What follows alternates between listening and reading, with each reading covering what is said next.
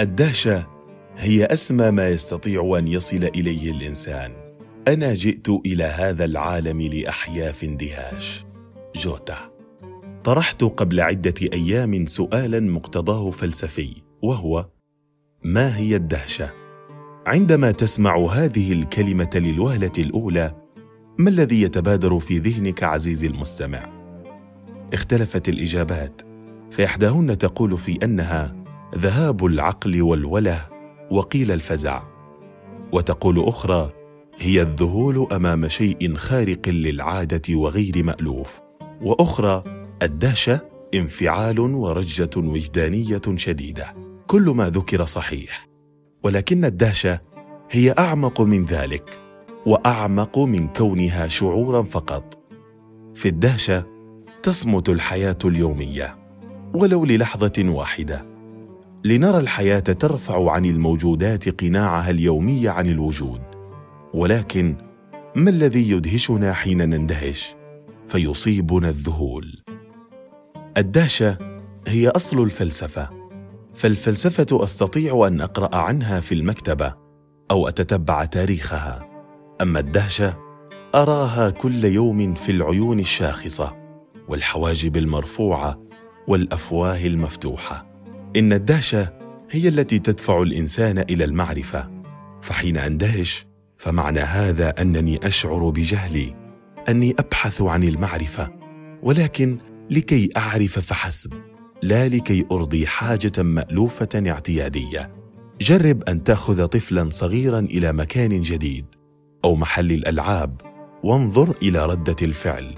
العيون المحدقة والفاه المفتوح يلاحقها ابتسامة.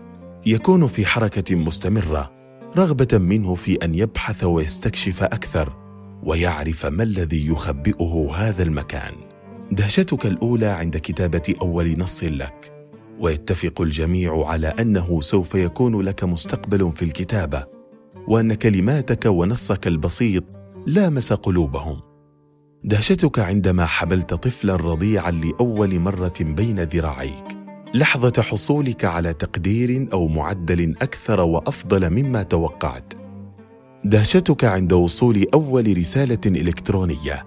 تفيد قبولك في إحدى الجامعات المرموقة والتي نسب القبول فيها ضئيلة. دهشتك عند نزولك من الطائرة على أرض تلك الدولة أو المدينة التي لطالما حلمت بها وبزيارتها. دهشتك عندما ترفع عيناك للسماء في ليل شديد السواد. وتنظر لشدة لمعان النجوم والكوكب أو عند رؤيتك للمذنب وذيله اللامع. كل ذلك يقودك إلى المعرفة والاكتشاف إلى التحقق في ماهية الإنسان أو ماهية وجوده. لذلك الإنسان وحده هو الذي كتب عليه أن يحس بفنائه وفناء من حوله. فيعجب لكل ما يراه ويكون أول ما يبدأ به هو العجب من نفسه. هذا العجب الدائم سيحتم عليه أن يعيش في خطر دائم ويبحر في جزيرة الاطمئنان إلى غير رجعة. فمع كل سؤال يولد خطر جديد.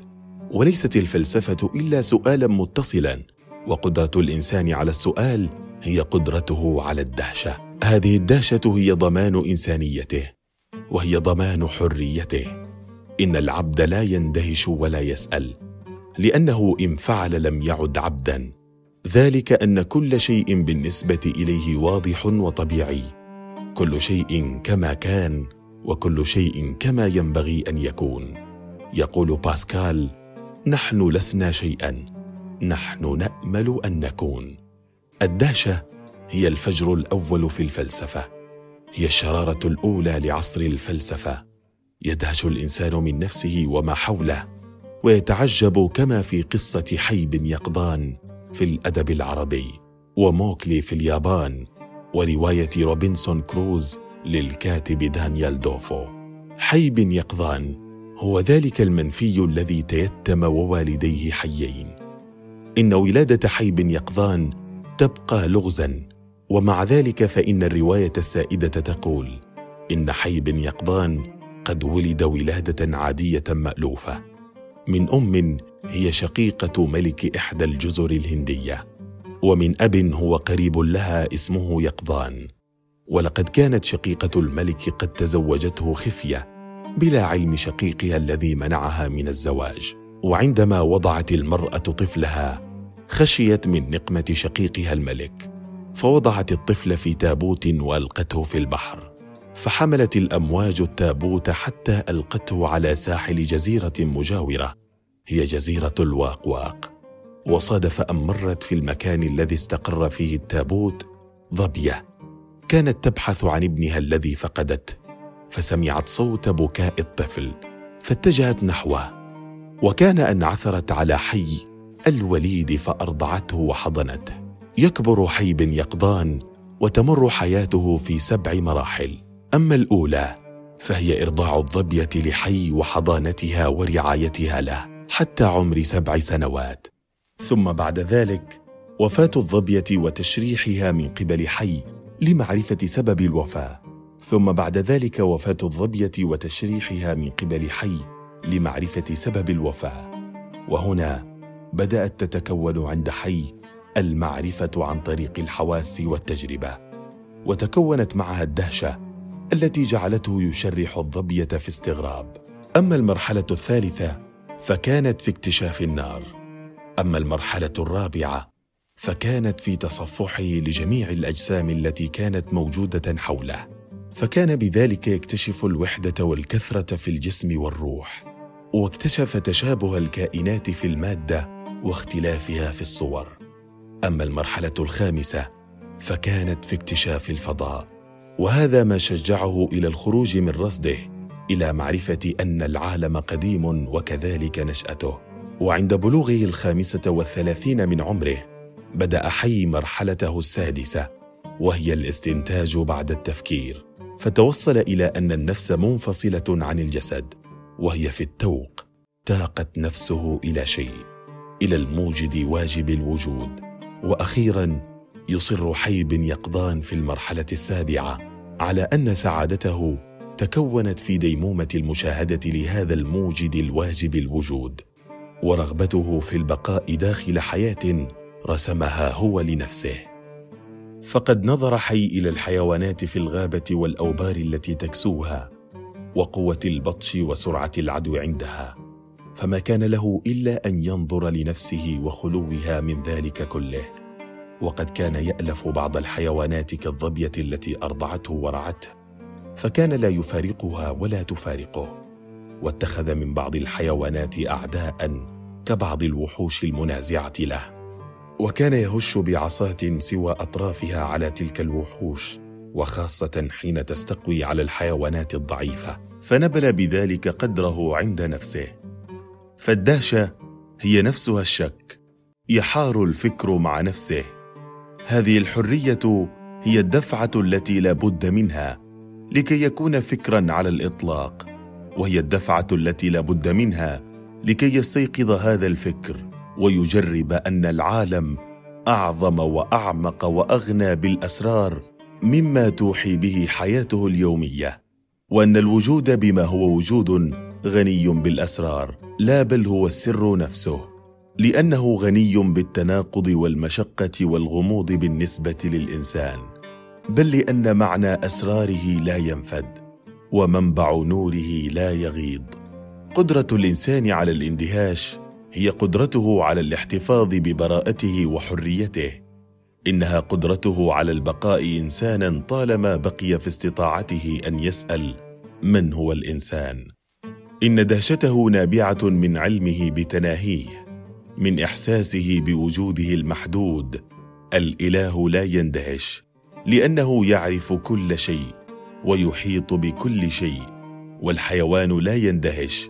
فليس في حاجة إلى الدهشة لأن الشوق إلى المعرفة الحقة لا يقلقه.